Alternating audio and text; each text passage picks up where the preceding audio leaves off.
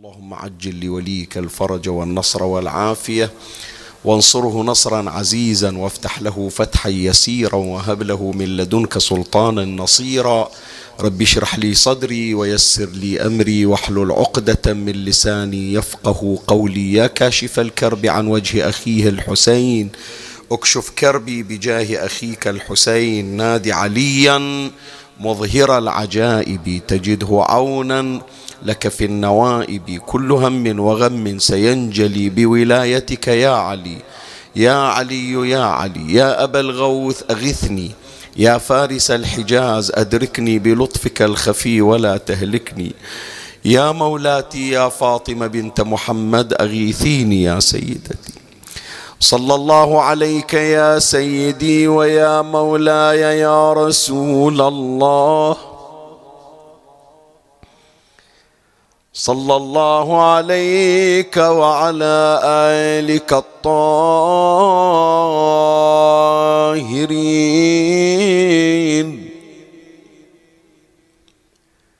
فاز من اعتصم بكم وامنا من لجأ إليكم. يا ليتنا كنا معكم سادتي فنفوز فوزا عظيما. بسم الله الرحمن الرحيم. اللهم صل على محمد وآل محمد وعجل فرجهم والعن عدوهم.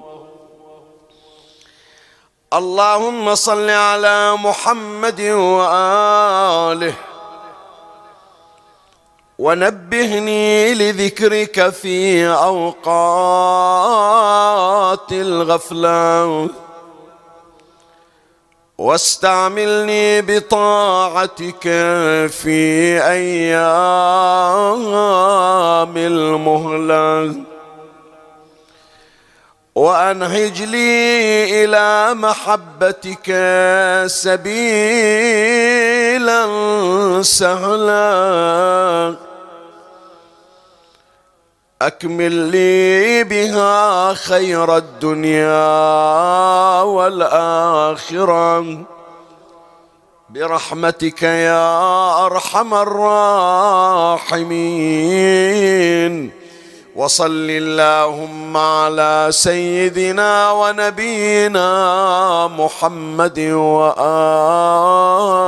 الطاهرين.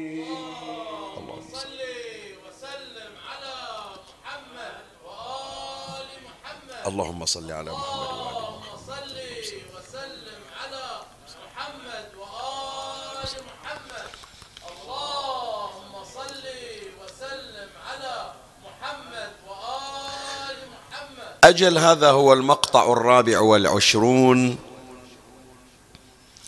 من دعاء مكارم الأخلاق ومرضي الأفعال المأثور عن إمامنا علي بن الحسين زين العابدين صلوات الله عليه. وهو الدعاء الذي انتهجنا شرحه وبيان مضامينه منذ مطلع هذا الشهر المبارك حتى هذه الليلة.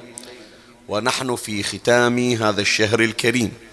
ونسأل الله تبارك وتعالى أن يتقبل فيه صيامنا وقيامنا وتلاوة الكتاب وأن يعيدنا على أمثاله في خير منه وعافية. ونلاحظ في هذا المقطع أن الإمام زين العابدين سلام الله عليه يحذرنا من مرض روحي. هو من أشرس الأمراض من أخطر الأمراض. يطلق عليه مرض الغفلة. مرض الغفلة يا أحبائي كل مرض خطير تسمع عنه من الأمراض الأخلاقية والروحية.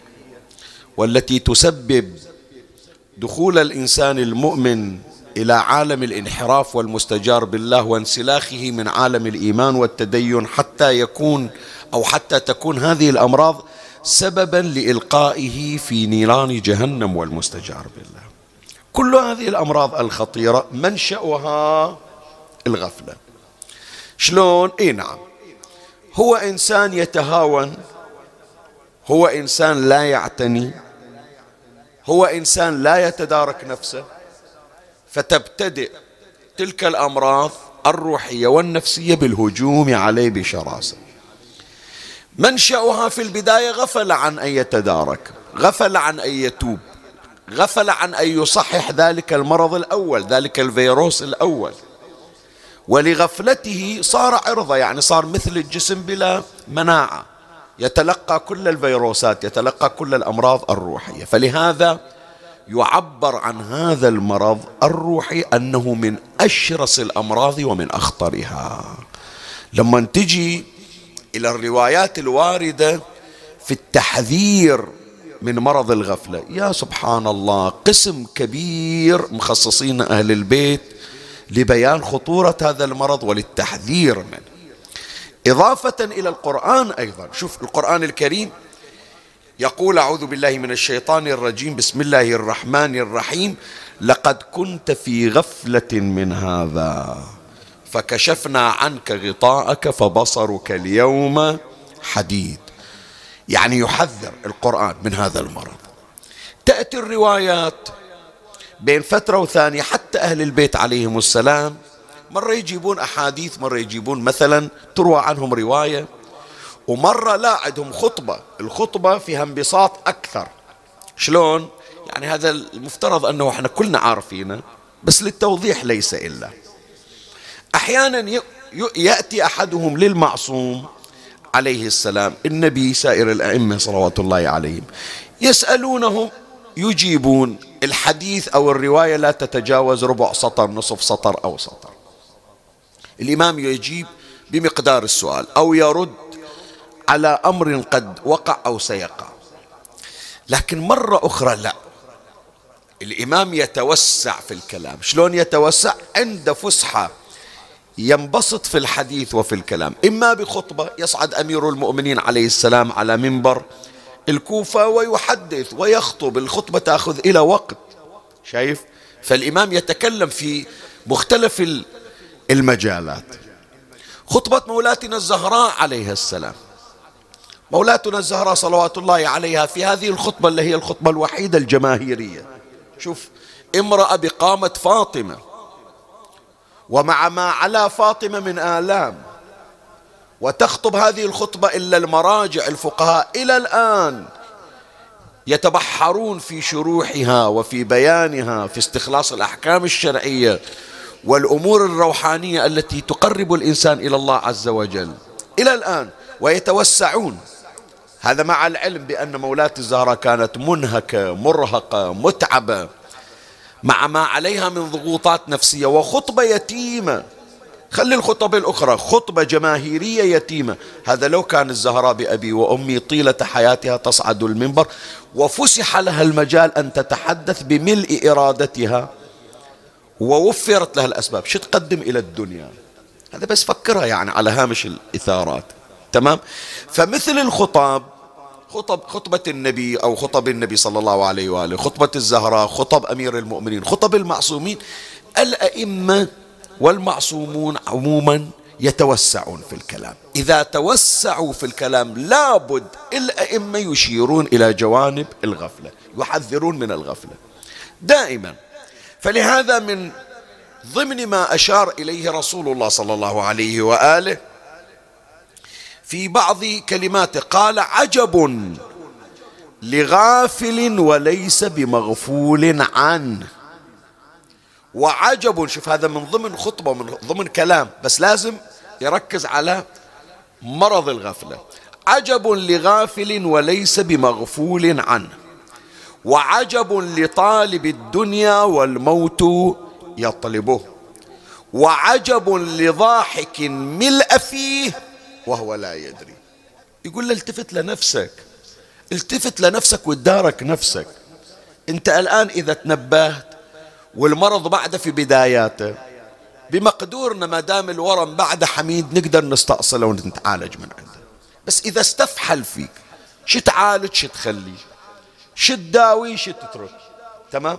فإذا مرض الغفلة هو من أخطر الأمراض. وهذا الفقرة شوف الإمام زين العابدين سلام الله عليه في دعائه دعاء مكارم الأخلاق ومرضي الأفعال خصص فقرة للحديث عن هذا المرض وهو مرض الغفلة. طيب شيخنا كيف نتعالج؟ كيف نتداوى؟ إحنا الآن إذا كنا غافلين كيف ننجو من هذا المرض؟ هل أهل البيت عليهم السلام لما حذرونا من هذا المرض؟ وضعوا لنا الأدوية والعلاجات أو تركونا سدى؟ لا أهل البيت سلام الله عليهم ما حذروا من شيء إلا وضعوا له علاجا. فلهذا حديثنا لهذه الليلة عن علاج مرض الغفلة. إن شاء الله سوف نتعرض له. وكعادتنا لا بد أن نقسم بحث كل ليلة إلى قسمين. في القسم الأول نفس المقطع اللي نذكره نوقف عند فقراته نشوف إذا أكو بعض المفردات بحاجة إلى توضيح نبينها إلى أبنائنا إلى ما ملتفتين إلها نوضح شنو المقصود. وأحيانا حتى لو كانت المفردة واضحة واضحة من حيث اللفظ لكن هناك معاني مغيبة غير مستحضرة. إحنا نحاول أنه نتصيد بعض المعاني. فإذا في الفصل الأول في المطلب الأول سوف أقوم ببيان بعض فقرات هذا المقطع الشريف. وفي المطلب الثاني من بحث هذه الليلة سوف أشير إلى العلاجات التي ذكرها أهل البيت عليهم السلام للتداوي والتشافي من مرض الغفلة. هذا تلخيص لبحث هذه الليلة. ومن الله أستمد العون والتوفيق. ومن مولاي أبي الفضل العباس المدد. وألتمس منكم الدعاء. ولإمامنا الحجة بن الحسن صلوات الله عليه. ولأمه السيدة نرجس خاتون ولتشريف سيدي أمير المؤمنين ومولاة الزهراء عليها السلام في مجلسنا هذا لنورانيته والتوفيق فيه ثلاثا بأعلى الأصوات. صلوا على محمد وآل محمد. اللهم صل على محمد وآل محمد.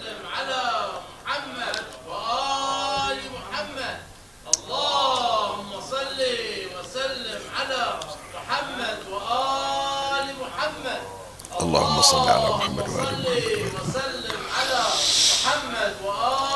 محمد. المقطع الأول الفقرة الأولى من هذا المقطع الشريف.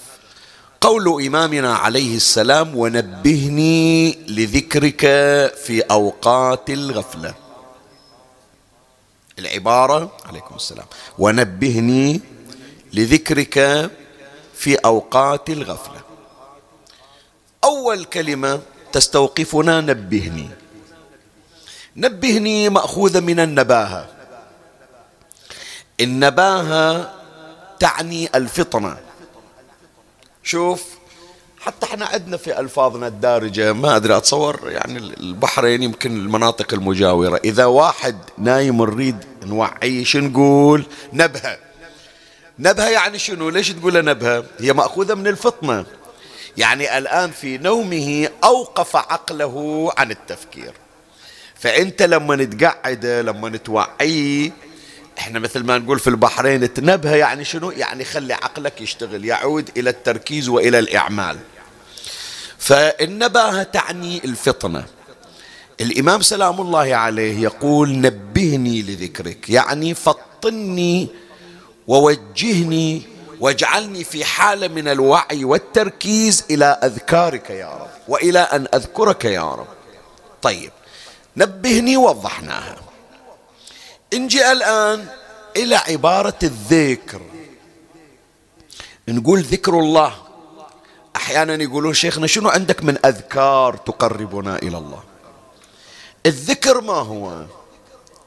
هذا الذكر شيخنا الذكر هو هذا لا إله إلا الله أستغفر الله الحمد لله. إيه؟ هي صورة الذكر. بس حقيقة الذكر ما هي؟ لما يقولون فلان يذكر الله. لما يقولون فلان من الذاكرين. الذكر ما هو؟ الذكر يا أحبائي يقولون إيجاد المذكور في القلب. أنت تذكر الله يسمونك ذاكر. الله اللي ذكرته يسمونه شنو؟ مذكور. مثل ما يعبرون علماء اللغة يعني اسم فاعل ذاكر اسم فاعل أنت الذي تقوم بالذكر. لفظة لا إله إلا الله هي الذكر أو هي مادة الذكر. اسم المفعول المذكور هو الله عز وجل. وكذلك إذا ذكرنا محمدا وآل محمد صلوات الله عليه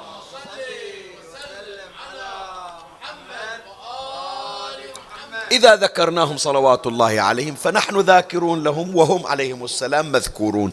ونذكر الله بذكرهم سلام الله عليهم. طيب.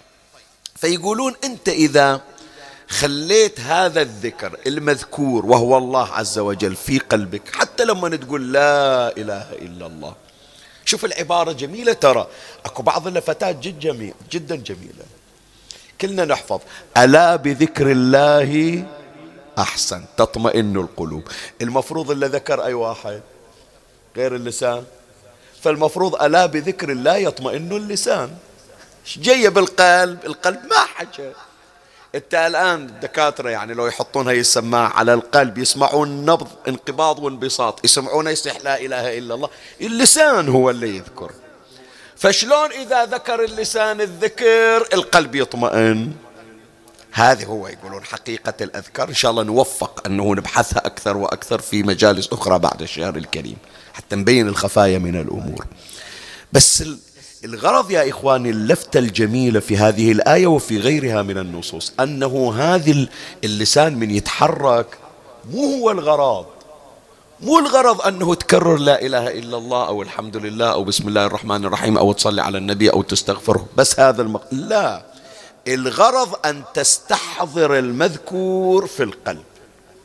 واللسان ما هو إلا آلة. ليش يقولون في الأمثال اللسان مغرفة الجنان؟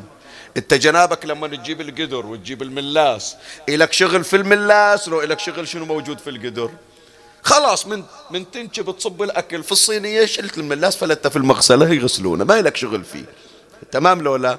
اللسان ما هو إلا آلة. والغرض منها أن يدخل الله يدخل المذكور ويستحضره في القلب. فلهذا إذا واحد دائما يذكر الله لكن قلبه خالي وأجوف من من الله إيش حصل؟ إيش حصل؟ بس فكر فيها. ترى عمر بن سعد صلى يوم العاشر من المحرم في المقاتل عندنا في الوقت يعني بعد ما صلاها قضاء صلاها أداء وما صلوها فرادى صلوها جماعة مثل ما صلى الحسين جماعة. شوف أنت بس تفكر فيها. لكن شوف تعقيب الحسين عليه السلام. اللهم أنت ثقتي في كل كرب ورجائي في كل شدة وأنت لي في كل أمر نزل بي ثقة وعدة إلى آخر. هذا تعقيب الحسين؟ زين. تعقيب عمر بن سعد؟ اشهدوا لي عند الأمير أني أول من رمى الحسين بسهم. مع العلم ذاك قال بسم الله الرحمن الرحيم والحسين قال بسم الله الرحمن الرحيم.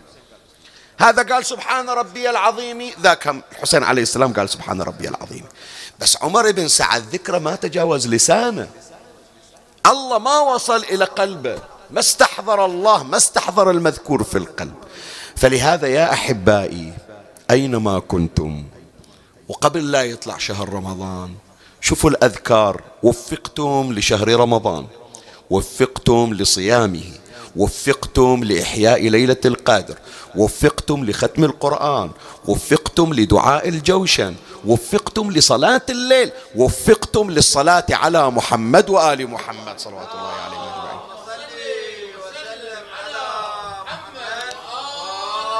باقي عندك ليلتين ثلاث يطلع الشهر الله يعودك. فكر فيها. هل هذه الأذكار بس على لسانك؟ الله دخلت طببت في قلبك؟ موسى يقول يا رب أين أجدك? قال لا تسعني سمائي ولا أرضي ولكن وسعني قلب عبدي المؤمن. شوف أنت الآن 27 يوم دخلت الله في قلبك لو بعد على لسانك وبس. وأخاف أقول أن أشخاص لا دخل الله في قلوبهم ولا جعل لسانهم. اللهم أجرنا. فالذكر يا أحبائي هكذا يعرفونه أنه استحضار المذكور في القلب. وقناة الإدخال اللسان. فمن هنا اجى بعض العلماء العرفانيين. الله شوف الجمال اللي عندهم من يجون إلى الذكر. يذكرون أن الذكر له لب وله قشور. شوية الكلمة هذه إن شاء الله توصل إلى القلوب قبل أن تصل إلى الأسماع وحتى تنفتح مساريب قلوبنا لتلقي هذه المعارف. أريد من عندكم ثلاث مرات إلى علي وفاطمة بأعلى أصواتكم تصلون على محمد وآل محمد. اللهم صل على محمد وآل محمد. اللهم صل على محمد.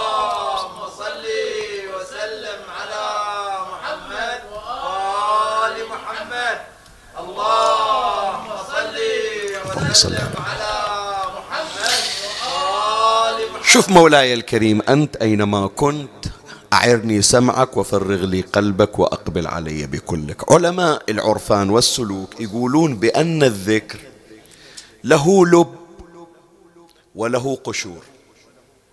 اللب واحد القشور ثلاثة. اللب راح نخليه تماما مثل شايف الجوزة شايف هذه شلون إليها قشر وإليها لب أنت شغل في القشر؟ أنت أصلا تاخذ هذه الجوزة تكسر القشر ترميه. ما لك شغل فيه.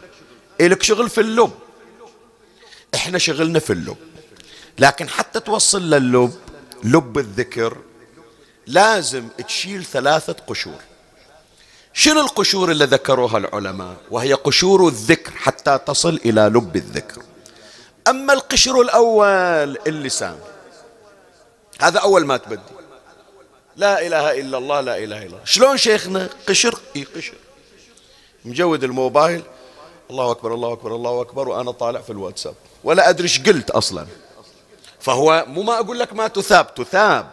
الذكر هذا تثاب عليه لأنه بداية ومقدمة الوصول. لكن قشر بالأخير قشر. زين. تنتقل إلى قشر ثاني. بعد اللسان شنو هو؟ قالوا ذكر القلب. يذكرون أن القشر الثاني مو لسانك اللي يذكر الله لكن قلبك يذكر الله. زي شيخنا هذا مو لب لا مو لب شلون؟ اي نعم. أنت الآن تقول لا إله إلا الله لا إله إلا الله لا إله إلا الله تكررها. إجا يوسف يسولف وياي. أنا أسولف وياه لكن في بالي أن قلبي هم يقول لا إله إلا الله. أضمرتها. ما تسمع لين بيحافظون يقولون عن ظهري قلب؟ يعني ما يحتاج اللسان ينطق القلب بنفسه يستحضرها. لكن لو شاغلني يوسف عن الذكر طلع الذكر من القلب. فلهذا يقولون أنه ذكر القلب ولكن هناك تكلف في الاستحضار. لازم أركز أن قلبي يذكر. لو واحد يشاغلني لو الآن وأنا أذكر الله بقلبي بيطيح الولد من عندي. أنشغل عن الله وأروح إلى الولد. وقع الإمام الباقر عليه السلام عمره سنة سنة ونصف في بئر. وكان الإمام زين العابدين عليه السلام يصلي. نفل صلاة نافلة بعد مو واجبة. جاريتهم جايبينها. بعد ما تعرف أسرار أهل هذا البيت شاف الطفل طايح في البير الإمام الباقر. ما عندها أحد ولا تعرف تطلعه. وين تروح؟ للإمام زين العابدين. يا ابن رسول الله وقع ولدك الباقر في البئر. والإمام أبد. شوف هذا اللي إحنا نقول. لأن ذكر الإمام لوب مو قشر. أنا الآن صح حتى لو ما أحكي. حتى لو أذكر الله بقلبي. لكن يقولون لي طفلك متعور؟ انشغل عن كل شيء. والإمام مستغرق في صلاته. يا ابن رسول الله وقع طفلك في البئر. والإمام ماشي. هي اتجرأت. قالت ما أقسى قلوبكم يا آل محمد؟ بعد ما شفت ناس خدمت في بيوت لكن نفس البيت زين ما يخالف صلاة اقطعها وانقذ الولد تعال ارجع. والإمام سلام الله عليه فرغ من صلاته أبدا ولا تغير. قال ما أضعف إيمانك. امضي إلى البئر ترينه قد سلمه الله. إيه روح شوفي. إجت الجارية وإذا الإمام الباقر عليه السلام يلعب في الماء تمتم الإمام زين العابدين بكلمات وإذا بالماء قد فاض حتى وصل إلى شفير البئر فخرج الإمام محمد الباقر لم يصب بشيء.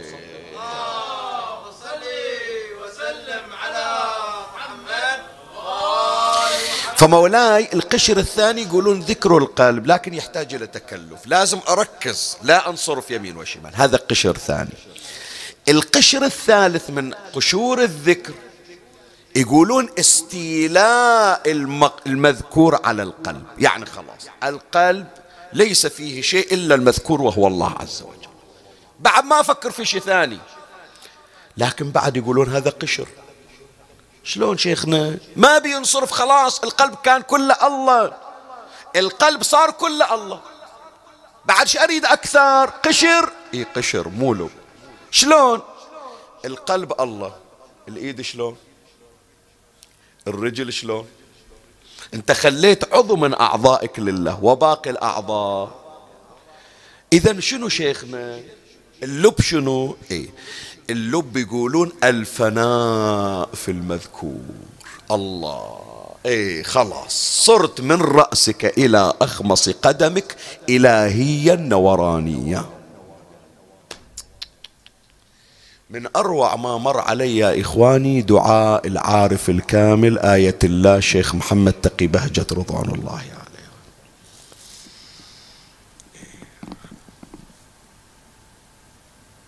رحمة الله عليه. رحمه الله رحمة الأبرار إلى الآن أتصور صلاة الجماعة خلف شيخ محمد تقي بهجة يا إخواني. إلى الآن. إلى الآن أتذكر صلينا وراه الظهر يا جماعة وكان أوغست شهر ثمانية وجو قمة تعرفون شلون حار.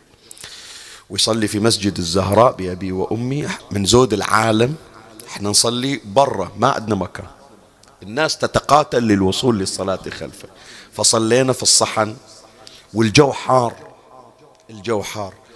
بكاء ونشيج كأنه أم فقدت وحيدها. تقول لي زين إيش يقرأ حتى يبكي؟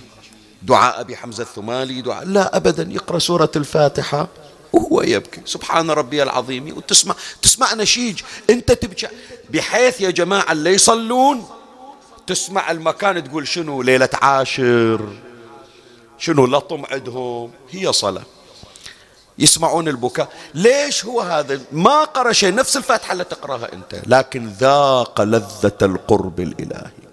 بحيث الحرارة حرارة السطح يا جماعة وحرارة الشمس ما نفكر فيها. وهذا اللي هذا اللي يعرفونك واللي يذكرونك بالله تبارك وتعالى. فمولاي الكريم اللب الحقيقي أن يكون الجسد نورانيا. شيخ محمد تقي بهجت شوف شنو دعاءه. إن شاء الله تحفظونه وإن شاء الله تتوصلون إليه.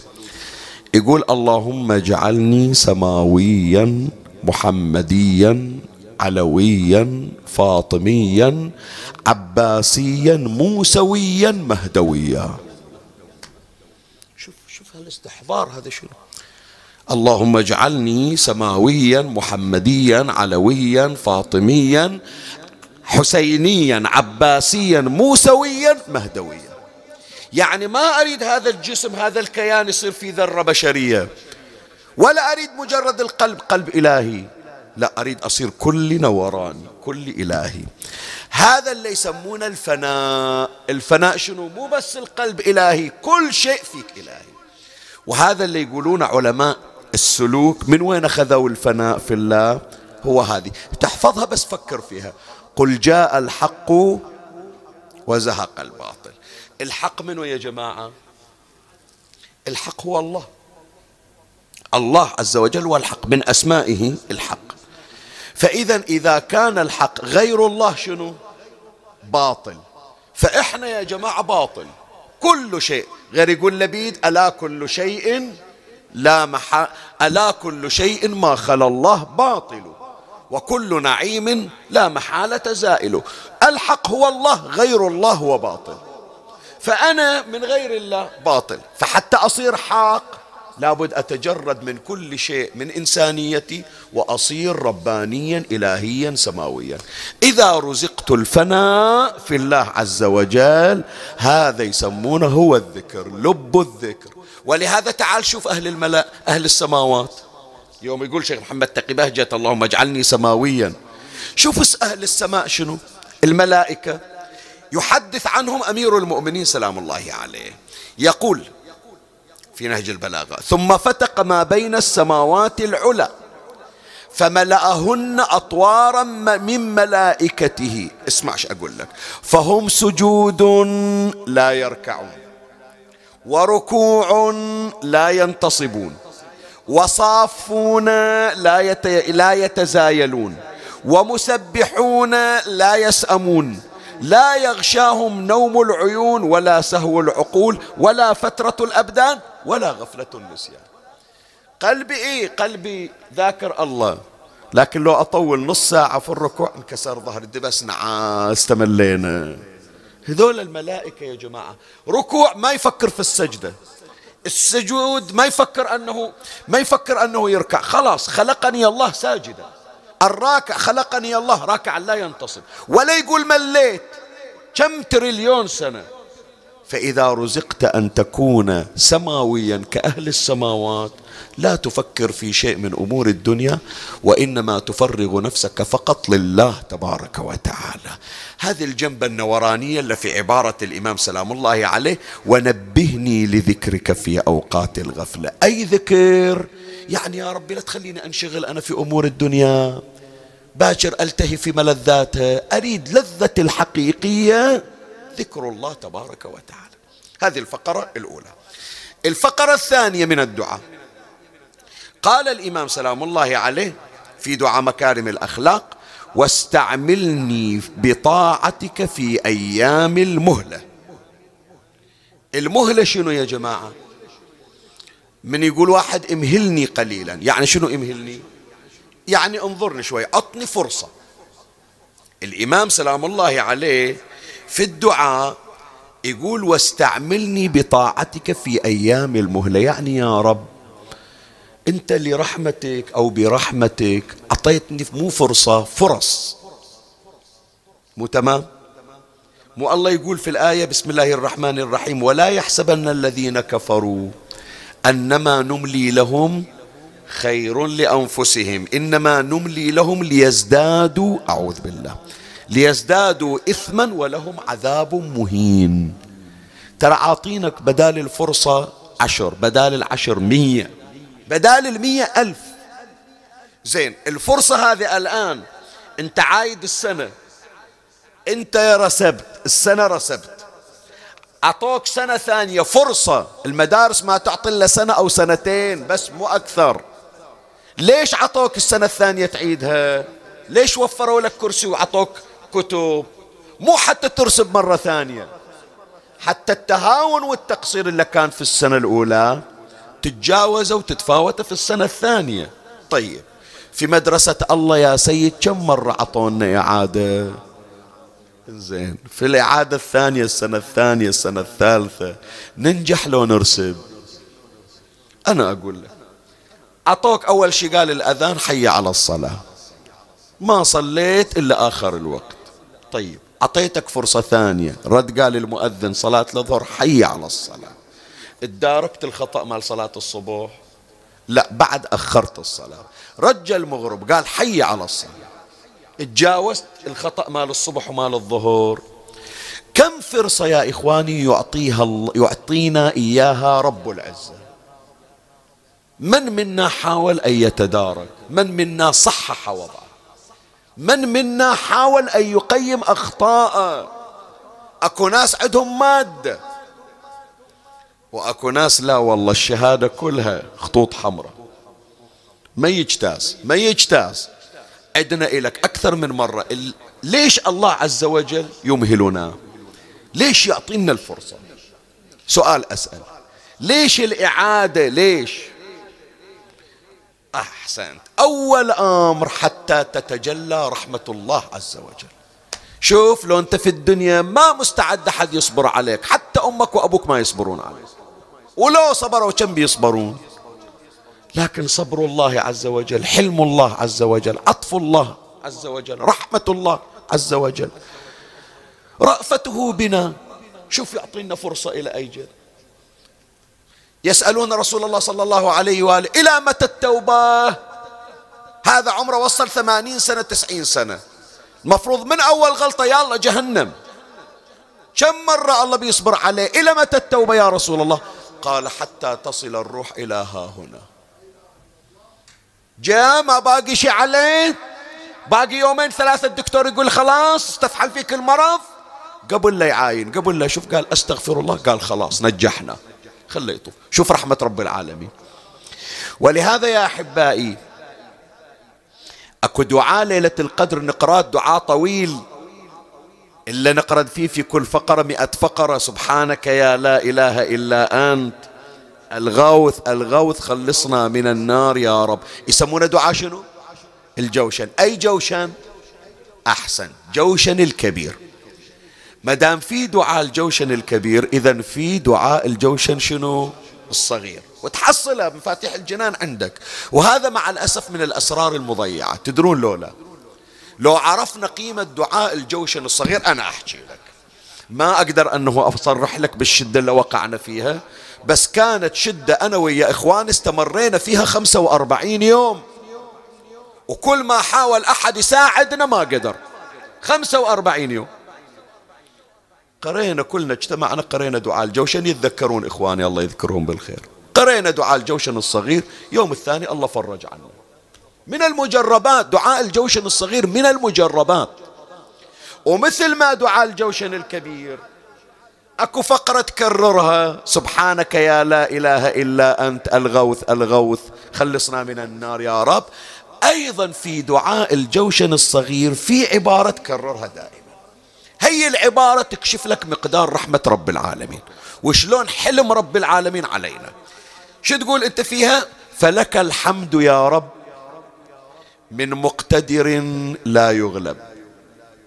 وذي أنات هذه شيء شغلي كله في العبارة وذي أنات لا يعجل. ما يعجل. منو اللي مستعجل على الانتقام؟ الضعيف. تمام لولا؟ رب العالمين ضعيف. لا فلهذا فلك الحمد يا ربي من مقتدر من مقتدر لا يغلب. وذي أنات لا يعجل. صل على محمد وآل محمد واجعلني لنعمائك من الشاكرين ولآلائك من الذاكرين. صلوا على محمد وآل محمد.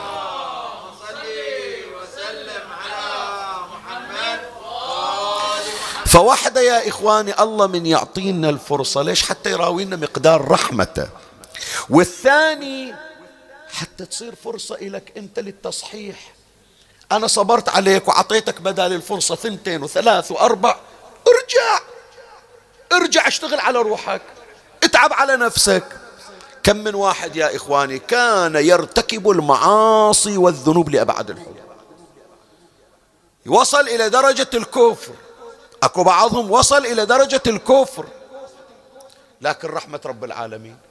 تجيه تجيه الفرصة وتاليها يصير من خلص الأخيار. الله يرحمه رحمة الأبرار.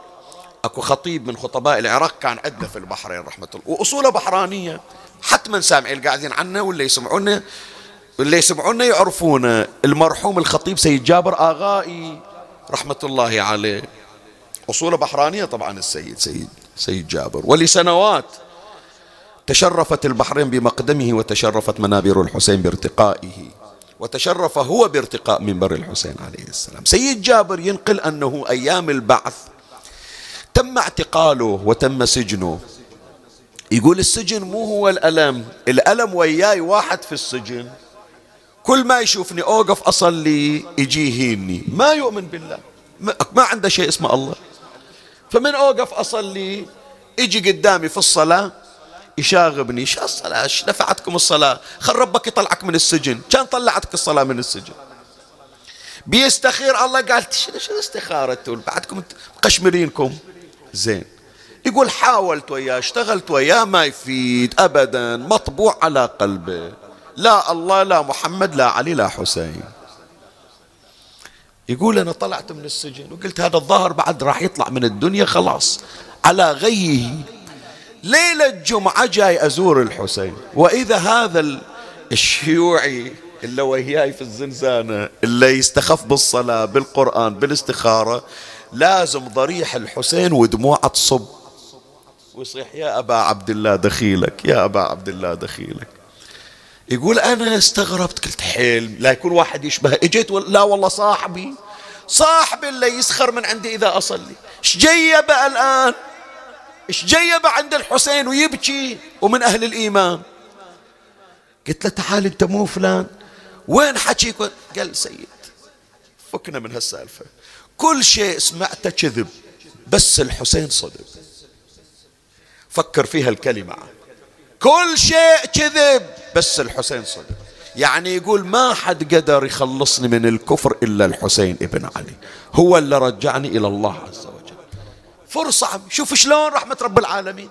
وهذه من أجمل الفرص. إذا أراد الله أن يستنقذنا أنقذنا الله بالحسين بن علي. سلام هي السعادة. هي السعادة. شوف الله يرزقك. عليك بالعافية. لكن لما نجي الرزق عن طريق الحسين.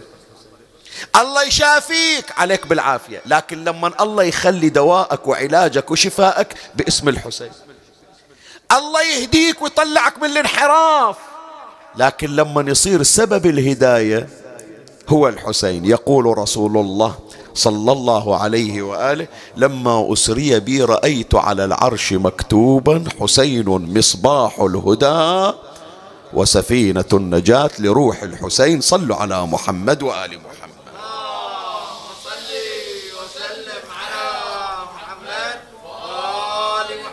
فالإمام سلام الله عليه في الدعاء يقول يا ربي إذا أعطيتني فرصة وصبرت علي الفرصة لا أستغلها في المعاصي لا أريد الفرصة اللي تعطيني إياها أستغلها في الطاعة. فلهذا يقول الإمام سلام الله عليه واستعملني بطاعتك في أيام المهلة. الفقرة الأخيرة من الدعاء يقول الإمام سلام الله عليه وأنهج لي إلى محبتك سبيلا سهلة. شنو يعني؟ يعني يا ربي حتى أرزق محبتك ومحبة أوليائك. أدري هذول حتى يوصلون إلى درجة الحب الإلهي يحتاجون إلى شغل. كم كتاب يقرون الله يصيرون من أهل العرفان كم تدريب وكم ترويض الله يصيرون من أهل القرب. أنا وين أوصل؟ يا ربي حتى أوصل إلى محبتك. أريدك تختار لي طريق سهل. ما يكلفني ما أشوف نفسي إلا تشبعت بمحبتك ومحبة أوليائك هذا معناه وفعلا يا جماعة كناس الشكل. ما تشوفهم وإذا بهم غاصوا في بحر محبة الله ومحبة الأولياء من غير تكليف. من غير تكليف. وبس فكروا في هالكلمة. بس فكروا في هالكلمة. كم واحد يا جماعة يوم ما استخف أنا لا بالتثقيف ولا بالتعلم. بس أقول عوض أنه تكون المعرفة وتكون الثقافة نعمة على الفرد. أحيانا الشخص إذا ما أحسن استخدامها تصير نقمة. الله عطاه أنه يتبحر في العلم عوض أنه يرزق المحبة والولاء من يقرأ كتاب يتأمل ويستكشف أسرار هذه الكرامة لأهل البيت. لا صار علمه وبالا عليه من يقرأ شيء لأهل البيت يستخف به من يقرأ كرامة استهان بها من يقرأ بعض الروايات هزأ بها. بينما تعال شوف بعض الأولياء من العجائز عندهم جرعة ولائية. الله أكبر يا ريت نتعلم من عندهم. يا ريت نتعلم من عندهم. شلون؟ أنا أقول لك. الله يرحمها رحمة الأبرار. واحدة يسمونها أم عيسى من كرانة رحمة الله عليه. هذه هي ويا زوجها توفوا من خدام أهل البيت. آخر أيامها بعد إدراكها راح. صابها الألزهايمر وإدراكها وشعورها راح. فحتى ما تعرف أولادها منو الذكر من الأنثى. إذا جاء الولد قالت منو أنت؟ إذا جت البنت قالت منو أنت؟ ما تميز ما تعرف الرجل من المرأة ما تعرف خلاص. لكن إلا ثبت عندها شنو؟ السبحة بإيدها اللهم صل على محمد وآل محمد اللهم صل على محمد. وتذكر أسماء الأئمة ما نسيتهم. أولادها نسيتهم الأئمة ما نسيتهم. هذا ولد الله يذكره بالخير موجود الله يبارك فيه ويرزقه ويستر عليه وعلى عائلته يستاهل كل خير. هو يعلمني. يقول لي شيخنا أنا ما فارقته إلى أن فارقت الحياة ما فارقته أجي دائما أشوف احتياجاته. يوم من الأيام تقول لي عيسى؟ قلت لها نعم يما. قالت متى بيطلع صاحب الزمان؟ شوف تفكيرها وين؟ قال ما أدري عند الله. شو الله إذا أذن إلى بيطلع. قالت لين لين المهدي طلع عنده فلوس لو ما عنده فلوس. قال يما إذا طلع الإمام الله ما دام الله حافظنا لازم الله بيرتب له اللي يحتاجه. قالت لا يمكن يطلع ومحتاج وما عنده شيء. يا ولدي أنا حاطة تحت المخدة ستين دينار لفاتحتي. لا تسوون لي فاتحة. هي الستين دينار ضموها إذا طلع صاحب الزمان أعطوها إياه. وقولوا له خادمتكم تسلم عليه تفضل. شوف في آخر العمر شلون تعشقوا للإمام سلام الله عليه. وتسمع عن بعض الأشخاص عقب قطع مراحل عقب قطع مراحل من التحصيل ومن الدراسة ومن العلم يقول لك كله خرافة اللي علمونا إياه شوف شلون. فيا أحبائي واحدة من الأمور اللي الإمام يدعو الله عز يعلمنا أن ندعو الله لها أن يرزقنا محبته ومحبة السادة الأطهار بأيسر الطرق بحيث أنه نتشبع بمحبتهم صلوات الله عليه الله يعطينا وإياكم إن شاء الله وينفتح الطريق يا سيد ونروح إلى كربلاء ونزور الحسين. قريبا إن شاء الله أقرب مما نظن كلمح بالبصر أو هو أقرب. إذا إجينا على ضريح الأنصار واحد من الأنصار اسمه نصر ابن أبي نيزر. هذا من أنصار الحسين عليه السلام اسمه مكتوب على ضريح الأنصار. نصر ابن أبي نيزر. تعرف أبو نيزر أبو هذا نصر؟ هذا منو هذا؟ هذا ولد النجاشي ملك الحبشة. سامع عن النجاشي؟ النجاشي اللي أجار المسلمين في إفريقيا في الحبشة؟ وجعفر الطيار والمسلمين وأسلم بالنبي ولم يرى النبي والنبي ترحم عليه. هذا النجاشي شوف شلون إذا الله كاتب السعادة إلى واحد يحصل السعادة مثل ما يقولون البحارنا لا حاسب ولا كاتب.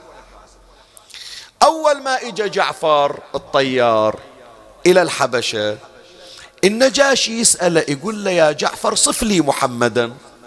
صلى الله عليه وآله. جعفر قام يصف النبي. هكذا صفته هكذا أنفه هكذا عينه هكذا حاجباه هكذا شعره. أخلاقه قال له هكذا أخلاقه. يأمر بالعدل والإحسان ينهى عن الفحشاء والمنكر يسلم على الكبير يجلس مع الصغير يكون فينا كأحدنا.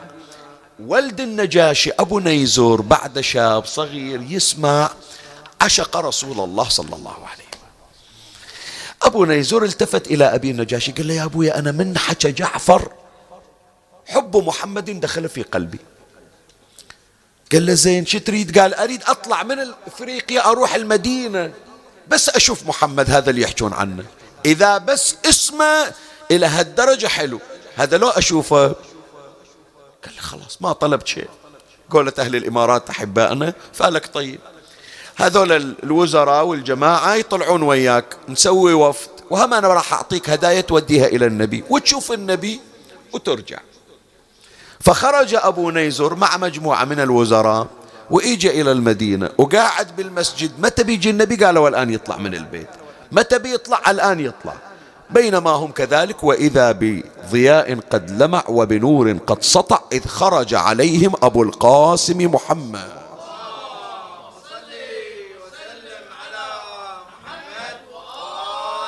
هذا أبو نيزر بس شاف النبي خلاص تسمر في موضعه. ما يقدر يشيل عينه من وجه النبي. النبي قام دخل بيته ظل قاعد ينتظر بس طلعت النبي مرة ثانية. نهاية الرحلة الآن راح يرجعون الوزراء. قالوا له يلا أبا نيزر نرجع. قال وين؟ قالوا بلدنا الحبشة أفريقيا خلاص الرحلة خلصت. قال ما شبعت من رؤية رسول الله. زين ما نرجع؟ قال انصرفوا عني لا حاجة لي فيكم أنا أبقى.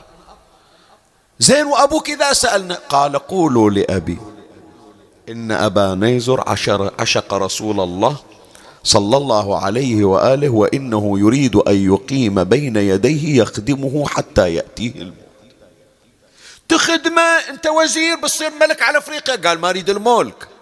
أريد محمد. شوف شلون. الوزراء قاموا ورجعوا. من إجوا إلى النجاشي قالوا ترى ابنك من شاف النبي خلاص مكانه ما يريد يتحرك. ويريد يقول يخدم النبي قال هنياله يا ريت أنا أحصلها بس السعادة مكتوبة إلي. لما مات النجاشي أرسل أهل أفريقيا أهل الحبشة الوزراء إلى المدينة ودوا رسالة إلى أبي نيزر يا أبا نيزر مات أبوك وأنت الملك أنت ولي العهد. والتاج جاهز لك. بس تعال إلى أفريقيا حتى تحط تحط التاج على راسك. قال لهم شوفوا إن ساعة أقضيها في خدمة رسول الله أحب إلي من الدنيا بما فيها. خذوا التاج خذوا الملك خذوا الحبشة خذوا أفريقيا كل اللي تريدون أنا هذه ساعة واحدة يسموني خادم النبي كم تسوى؟ وبقي أبو نيزر.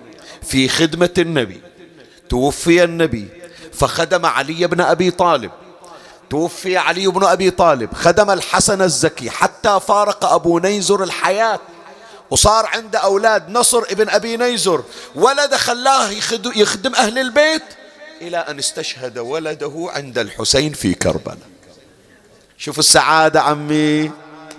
لو ظل هناك في افريقيا منو يدري عنه؟ لكن هكذا يسوق الله تبارك وتعالى إلى الإنسان المؤمن طريقا سهلا يزيده في محبة الله وفي محبة محمد وآل محمد.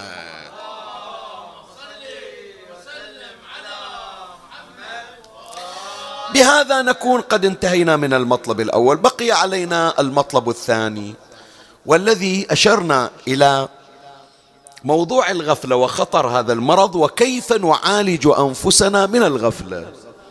الواحد الغافل عن الله وعن الآخرة كيف يتجنب أن يقع في مرض الغفلة؟ أهل البيت علمونا. حتى ما تغفل وتتلايم عليك الذنوب والمعاصي مجموعة من الأمور تقوم بها فبالتالي الله عز وجل ينبهك من نومة الغافلين كما جاء في الدعاء. زين شو أسوي حتى ما أصير من الغافلين؟ أول شيء أول علاج المداومة على ذكر الله. هي الغفلة شلون تصير يا جماعة؟ إلا يغفل عن ذكر الله. أنت تحدى الغفلة بأن تكثر من ذكر الله عز وجل. ولهذا يقول أمير المؤمنين سلام, سلام الله عليه بدوام ذكر الله تنجاب الغفلة. لهذا يا أحبائي خصصوا لأنفسكم.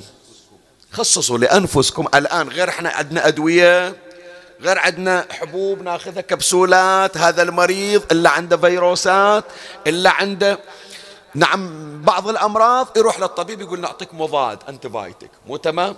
كم؟ قال هالساعة تاخذ هالحبة عقب ثمان ساعات تاخذ هالحبة تمام لولا إحنا خلنا نعتبر أنفسنا مرضى. مو مرضى أجساد مرضى أرواح. نفوسنا مريضة.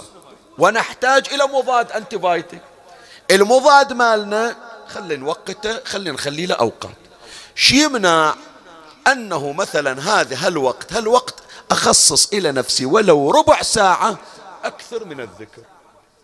تمام؟ الصبح العصر الليل صرت مداوم. الله يرزقني بأنه أنا أكون من الذاكرين ولست من الغافلين. من أجمل ما رأيت يا أحبائي تعرفون الشيخ البهائي سامعين عن الشيخ البهائي؟ شيخ محمد ابن شيخ حسين ابن عبد الصمد البهائي. المدفون على بعد أمتار من ضريح إمامنا الرضا عليه السلام. أكو موجود يسمونه بس الشيخ البهائي. أبوه عندنا مدفون هنا شيخ حسين بن عبد الصمد. الشيخ البهائي عند في رسائله أذكار لكل ساعة من ساعات اليوم. اليوم كم ساعة؟ 24 ساعة. 12 ساعة نهار 12 ساعة ليل. كل ساعة من ساعات النهار يخصصها إلى معصوم من المعصومين. يعني أنت عندك الآن من ست إلى ست كم ساعة؟ 12 ساعة. كل ساعة الساعة ست باسم علي. الساعة سبع باسم الحسن. الساعة ثمان باسم الحسين. ولو أنه بمقدار هذه الساعة أسلم على الحسين وأذكر الله فيه فيكون يومي كله مشغولا بذكر الله عز وجل.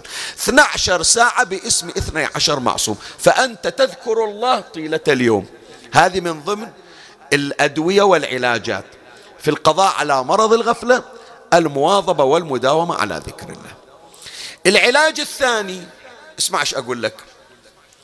العزم المستمر على فعل الخير. دائما تنوي أنه راح تسوي فعل خير.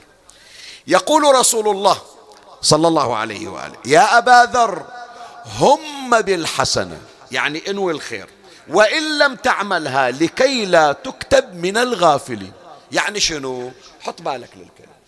سنة بتروح لزيارة؟ لا شيخنا ما عندي إجازة. وين أطلع أسافر؟ ما بروح قول بروح قول بروح ليش؟ لين قلت بروح إن شاء الله شو تحصل؟ إما أن الله ييسر لك فينفتح لك الطريق. تحصل لك. كم واحد جته إجازة وهو ما عنده إجازة؟ تمام لولا ويا موظف قال له لك أني تسافر خذ إجازتي. المدير قال عطيتك إجازة بس تيسر. شلون؟ توفيق من الله. لو ما حصلت الإجازة وما قدرت تسافر النية أحسنت النية تقوم مقام العمل. النبي صلى الله عليه وآله يقول أنت لما تقول ما أنا رايح كتبت من الغافلين. لكن تنوي شيء الله إن شاء الله السنة في شهر رمضان بختم القرآن. إن شاء الله السنة في, صلاة في, في شهر رمضان بصلي صلاة جعفر كل ليلة الجمعة. حتى لو ما صليت حتى لو ما ختمت القرآن. نفس النية هذه كتبك الله من الذاكرين ولست من الذاكر ولست من الغافلين. تمام؟ هذا العلاج الثاني. العلاج الثالث وهو أهم علاج المحافظة على الصلوات في أوقاتها. الله أكبر أنت على المصلات. الله يذكره بالخير شيخ علي بن أحمد. الله يذكره بالخير ويذكر العلماء كلهم بخير. مجموعة من المشايخ شفناهم يا إخواني. الله أكبر خلص المؤذن قال لا إله إلا الله أقام للصلاة. بعد ما يعطيها فرصة ليش؟ خذوا الصلاة في أول وقتها. يقول الإمام الباقر عليه السلام أيما مؤمن حافظ على الصلوات المفروضة فصلاها لوقتها فليس من الغافلين. خلاص أعطاها الله أن يكون من الذاكرين. بعد العلاج الرابع ما قبل الأخير الالتزام الديني. أنت حافظ على نفسك أنه لا ترتكب محرم لا تترك واجب. ما دام عندك هذا الالتزام الديني ما دام عندك هذه التقوى الله عز وجل يجعلك من الذاكرين ولست من الغافلين. يقول أمير المؤمنين سلام الله عليه أوصيكم بتقوى الله. تاليها يقول أيقظوا بها نومكم. إحنا اللي نايمين. غير عندنا في الروايات الناس موتى الناس نيام فإذا ماتوا انتبه أوه ترى أوه ضيعنا على روحنا. تونا ملتفتين. تونا ملتفتين يعني شنو؟ يعني تونا قاعدين. سبعين سنة نايم. تمام لو لا؟ أوصيكم بتقوى الله أيقظوا بها نومكم واقطعوا بها يومكم. وأما العلاج الآخر والخامس والأخير حتى نختم مجلسنا مولاي الكريم العلاج الخامس أن تتخذ لك صاحبا يوقظك من الغفلة. يعني أقول لصديقي أقول لصاحبي فلان إحنا ما تصادقنا إلا نسأل من الله أنها الصداقة ما تنتهي. شلون ما تنتهي؟ يعني أنا صاحبك في الدنيا وأريد أصير صاحبك في الآخرة. إن كنت من أهل النار أنت تدخلني الجنة. وإن كنت أنا من أهل الجنة وأنت من أهل النار أنا أدخلك الجنة. بس نتعب على روحنا. شلون نتعب على روحنا؟ شفت من عندي غلط؟ قول لي هذا غلط. شفت من عندك غلط؟ أقول لك هذا غلط. حتى نكون اثنين من أهل الجنة. وهذا ما أمر به القرآن. وتواصوا بالحق وتواصوا بالصبر. شنو يعني؟ شفت على شيء؟ من انحراف دير بالك فلان لا يغرونك اللي يضحكون إليك. هذا اللي ما يعرفونك. أنا اللي خايف عليك أنا اللي حريص عليك. ما أريد هذا الشغل اللي تعبت على نفسك تضيعه بسبب ذنب. شو استفدت الآن يوم قعدت في مجلس وحكيت على فلان؟ وتاليها حسناتك أنا وياك رايح زيارة رايحين حج. تعبانين على روحنا طول هالسنين. تحرق اللي سويته كله في جلسة ما كلفتك ربع ساعة. مو حرام. أنت تحرص علي وأنا أحرص عليك هذا الصديق صديق الخير يا جماعة. الزوجة الزوجة خير صاحب. يا سيد أنت الآن زوجتك الله يذكرها بالخير أم السادة. يوم اللي عندك موعد وأنت تريد تنام. نبهيني لا تنسين. قاعديني من وقت. قبل لا. عدل لا. طيب إيه الأولى؟ لما تقول إلها إذا شفتين عندي غلط قولي لي هذا غلط. ما واحد أكثر حرصا علي وسترا علي إلا إذا شفت من عندك غلط أقول لك هذا عندك غلط. وإذا شفت من عندي غلط أقول هذا غلط. واثنين كل واحد يقيم الآخر ويقوم الآخر. فهذول يا إخواني يعالج بعضهم بعضا. شقد جميل. لما تشوف الزوجة تجي إلى زوجها أبو فلان ما باقي إلا ليلتين ويخلص الشهر. ما صلينا صلاة الليل. قوم لو نصلي لنا ركعتين. لعل الله يغفر لنا.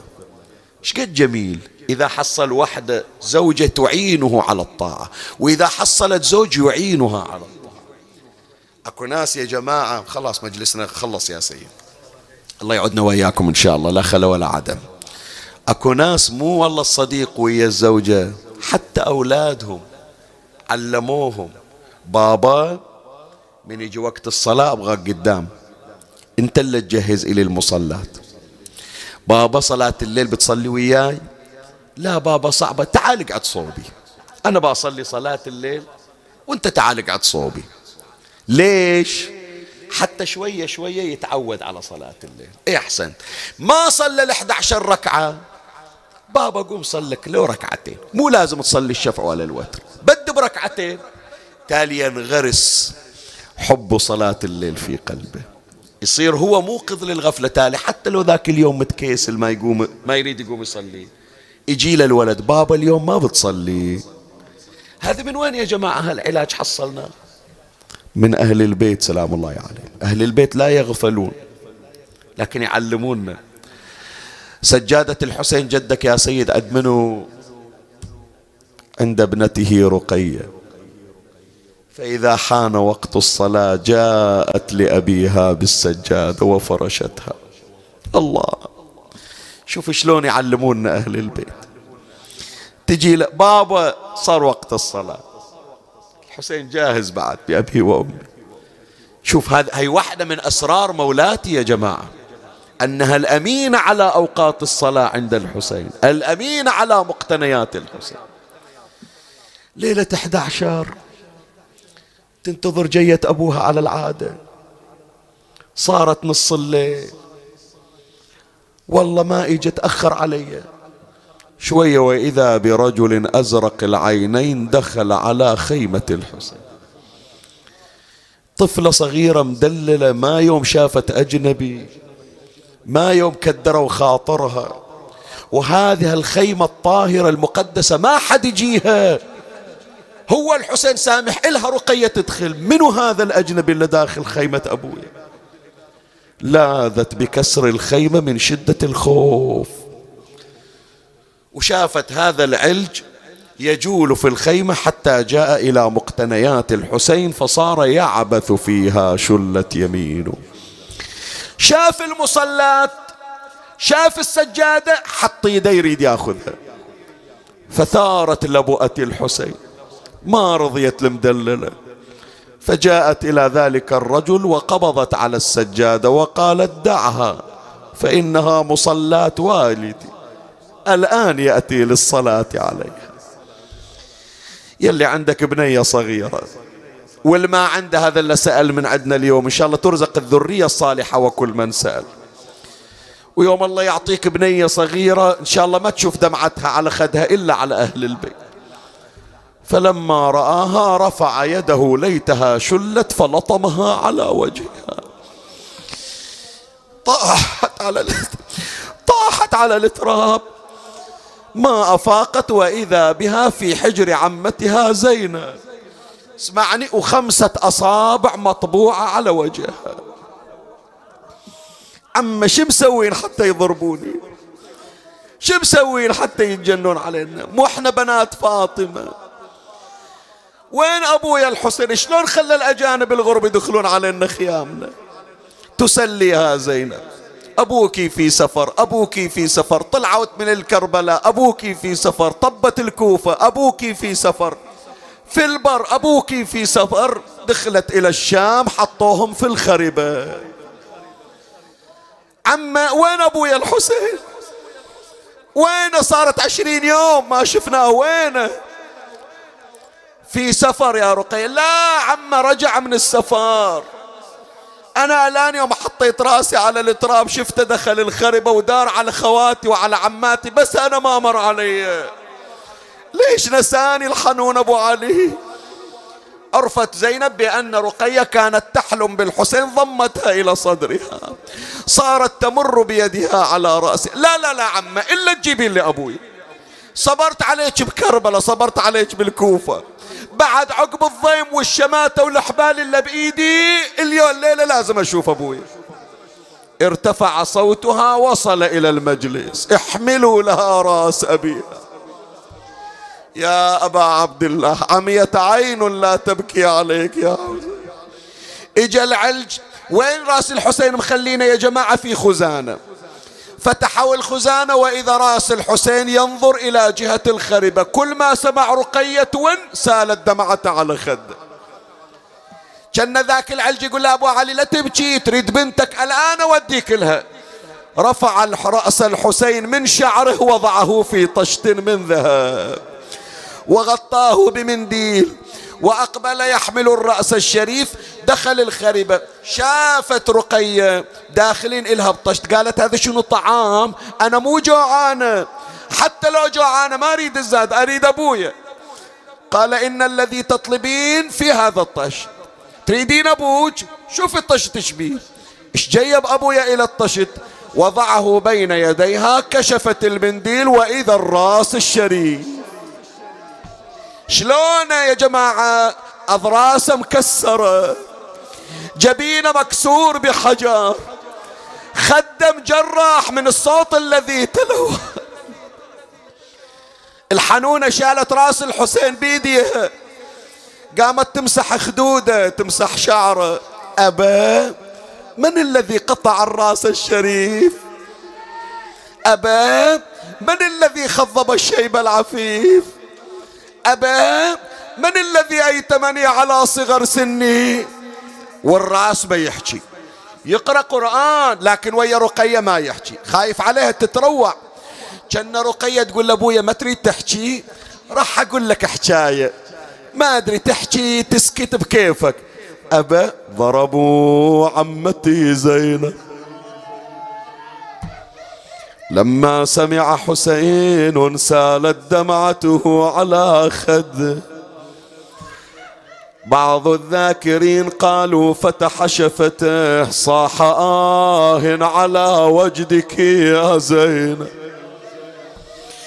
ضمت رقي راس الحسين إلى صدرها وضعت خدها على خده أغمضت عينيها على رأس والدها وإذا بزين العابدين ينادي عم زينب ارفعي رقي عن رأس والدي. شيليها عم شيليها. قالت أبو محمد خليها شوية ويا أبوها. قال لا يا عم لقد ماتت رقي على رأس والد آخ جاءت زينب وإذا برقية احتضنت الرأس الشريف ووضعت خدها على خده وفاضت روحها على رأس الحسين. وحق الحسين أدري قد الحسين غالي عليك. بهالكلمة اللي راح أقراها أريد صوتك يوصل إلى كربلاء. تحيرت زينب ترفع رقية أو ترفع رأس الحسين. الحسين أوصاها بعيال خافت أن تقع رقية فيعاتبها الحسين. فلهذا لما رفعت رقية وقع الراس على التراب. صحيت يا حسين يا حسين يا حسين تبليني بليته. ضيعتني يا أبو علي. وين زينب وين ستين يتيم ويتيمة؟ يا حسين تبليني تبليني بالأيتام. أنا حرمة وطحت ما بين ظلام خويا شباري شباري شباري الوقع والله وغفى ونام. أختك ترى ضاعت يا ضرغام صاحت يا حسين والله حيرتني حيرتني حيرتني أنا حرمة بيتامى ضيعتني ضيعتني ضيعتني. خويا دقعد يا خويا وشوف متني. دقعد يا خويا وشوف متني. ترى سياط شمر ورمتني. والله احرق قلبك الليلة. يطلع الشهر أريد من عندك دمعة حارة. جابوا مغسله تغسل رقيه يتيمة وميتة بديار غربة. جابوا لها مغسلة. أول ما شالت رقية ودخلت بيها إلى المغتسل طلعت المغسلة. من هي زعيمة السبيه اشروا على زينب. هذه الزعيمة هذه الكفيلة. انت اسمك زينب؟ إي والله. اخذي يتيمتكم ما أغسلها غسلوها انتو. ليش أمة الله غريبة ويتيمة؟ ما عندها والي قالت يا زينب لما جردتها من ملابسها نظرت إلى أثر السواد على ظهرها. منا خط أزرق منا خط أحمر. مورمة من فوق لتحت. خاف مريضة تعديني ما أريدها. قالت زينب ليس بها من مرض ولكن هذه أثر سياط بني اميه يضربونا ونشقف بدينا والناس تتفرج. مددت طفلة أخوها وغمضت منها العين. وعن حجرها راس أبوها شالته بلوعه وحنين. وداروا النسوة عليها وجددوا ماتم حسين وطاحت سكينة على جنازة اختها معولة. شوف الأيتام الصغار. كل واحد يحاذر على أخته. كل واحدة تحاذر على أخته. أريد من عندكم يا جماعة كلكم ونة واحدة. صاحت سكينة يا عم بالعجل ودي خبا. الكربلاء حتى يجينا أبو الفضل يحفر قبو. والشهيد حسين خليه يجيب كافور وسدود. والولد الأكبر يشوف أخته ونعشها يحمله. ويلي شلون ندفن هاليتيمة والأهل كلهم غياب. بين عدوان وجنازة ممددة ببلدة جناب يا علي يا حلال المشاكل وين أبونا وين جدنا؟ المرتضى داحي الباب. وين أهلنا ما درى وعدنا جنازة معطل ولا كأنما مجلس من شهر رمضان. كنا بعاشور لو الأربعين. بس هذه الكلمة للحاجة المتعسرة ولا المجلس مكتفي. زينب كان بكائها على رقية لا يتصور. بعضهم يقول زين العابدين يسأله يقول عم أبويا الحسين انذبح. ما شفتك تبكين هالبكاء. يا عم شفتين الخيل على صدر أبويا. ما شفتك بكربلة تبكين مثل هالبكي. الآن رقية طفلة صغيرة حتى لو هي غالية بس مو أغلى من أبوها. إيش هالبكاء يا زينب؟ قالت يا أبو محمد أنا ما أبكي على رقية بس لما أرجع لأربعين لابوك وسايلني عنها إيش اجاوبه إيش أقول؟ له عطيتك يا زينب يتامى تحافظين عليهم لو تضيعينهم وتدفنينهم بالغربة وتجين عنهم. ويوم رجعت زينب إلى كربلاء أول ما وصلت كانها تسمع صوت من قبر الحسين. يا زينب ليش ما جبت رقيه أنا تمنيتك تجيبيها إلي. يقول له يا حسين يا حسين لا تعتب. لا لا لا تعتب علي. تراني دفنت ما أذل اليتيم حين ينادي بأبيه فلا يرى مجيبا كسرت خاطري يتامى حسين. اللهم صل على محمد وآل محمد. أعوذ بجلال وجهك الكريم أن ينقضي عني شهر رمضان أو يطلع الفجر من ليلتي هذه ولك قبلي تبعة أو ذنب تعذبني عليه. اللهم سلمنا لما بقي من شهر رمضان وسلمه لنا وتسلمه منا فلا ينقضي عنا إلا وقد غفرت لنا. اكتبنا فيه من عتقائك من نار جهنم.